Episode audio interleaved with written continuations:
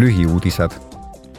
eile pidas Euroopa Parlamendis arutelusarjas See on Euroopa kõne Leedu president Gitanas Nauseda. Nauseda tutvustas oma seisukohti Euroopa praeguse olukorra, liidu ülesannete ja tulevikusuundade kohta oma kõnes toetas ta Ukraina, Moldova ja Lääne-Balkani ühinemist Euroopa Liiduga järgmiste sõnadega.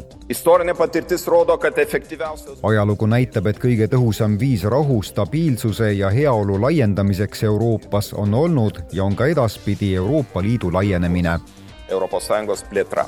Venemaa Ukraina vastase sõja kohta ütles Nauseda järgmist Turime stiprinti sankcijas Rusijai tol, me peame tugevdama sanktsioone Venemaa vastu, kuni ta lõpetab selle jõhkra sõja Ukrainas.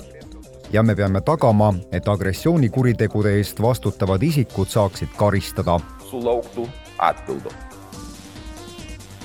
täiskogu avaistungil pidas parlamendi president Roberta Metsola minutise leinaseisaku Vahemerel hukkunute ja Kreekas toimunud rongiõnnetuste ohvrite mälestuseks kuna viimastel nädalatel on hukkunud veelgi rohkem Vahemerd ületada püüdvaid pagulasi, kutsus president kõiki asjaosalisi üles selle küsimusega tegelema. rääkides Kreekat vapustanud rongiõnnetusest, ütles president Metsola, et parlament leinab koos Kreeka rahvaga ja on valmis ohvrite perekondi aitama Euroopa Liidu andmeseaduste ettevalmistamisel astuti suur samm edasi eile võtsid parlamendiliikmed vastu volitused liikmesriikidega läbirääkimiste pidamiseks. Euroopa Liidu andmeseadusega kehtestatakse uued ühised eeskirjad andmetele juurdepääsu ja andmete kasutamise kohta.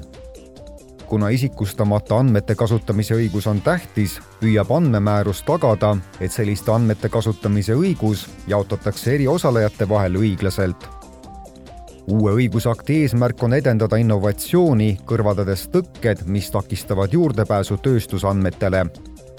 komisjoni siseturuvolinik Thierry Breton ütles parlamendis järgmist. Euh,